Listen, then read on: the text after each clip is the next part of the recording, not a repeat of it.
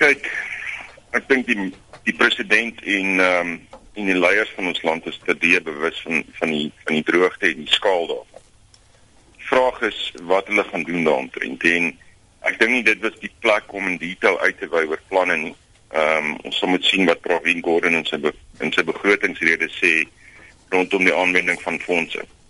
So daar's daar's twee goed wat vir ons belangrik is in die, in die langer termyn. Die eerste een is die is kwantum, die hoeveelheid geld wat aangewend sal word vir droogteverligting en dan die tweede een is hoe die geld aangewend sal word.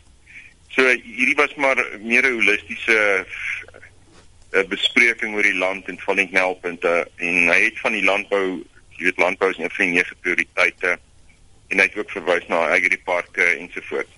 Maar die ding het 'n bietjie min ehm um, substansie gehad om om ek dink die buitewêreld tevrede te stel dat hy genoeg erns reg aan die aan die droogte situasie in die ander knelpunte in Suid-Afrika.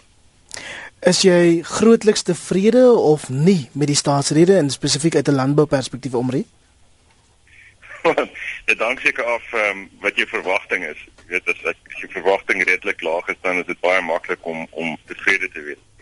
Kyk, ek het nie eintlik veel meer verwag nie om eerlik te wees. Ek het gedink um, ek het gedink hy sal baie holisties praat oor die uh, oor die aangeleenthede en uh jy weet die hele staatsrede wat met al die onderbrekings in die EFF dit is eintlik nogal half ek dink vir mense van die buiteland wat so iets sien ek weet nie of hulle graag in ons land sou belees hulle na na daai tipe van sirkus kyk maar ehm um, ja nee wat ek is nie teleurgesteld of beïndruk of enigiets nie dit is maar net wat dit is en kortliks 'n punt uit 10 uh ek sê ons so 3 uit 10 gee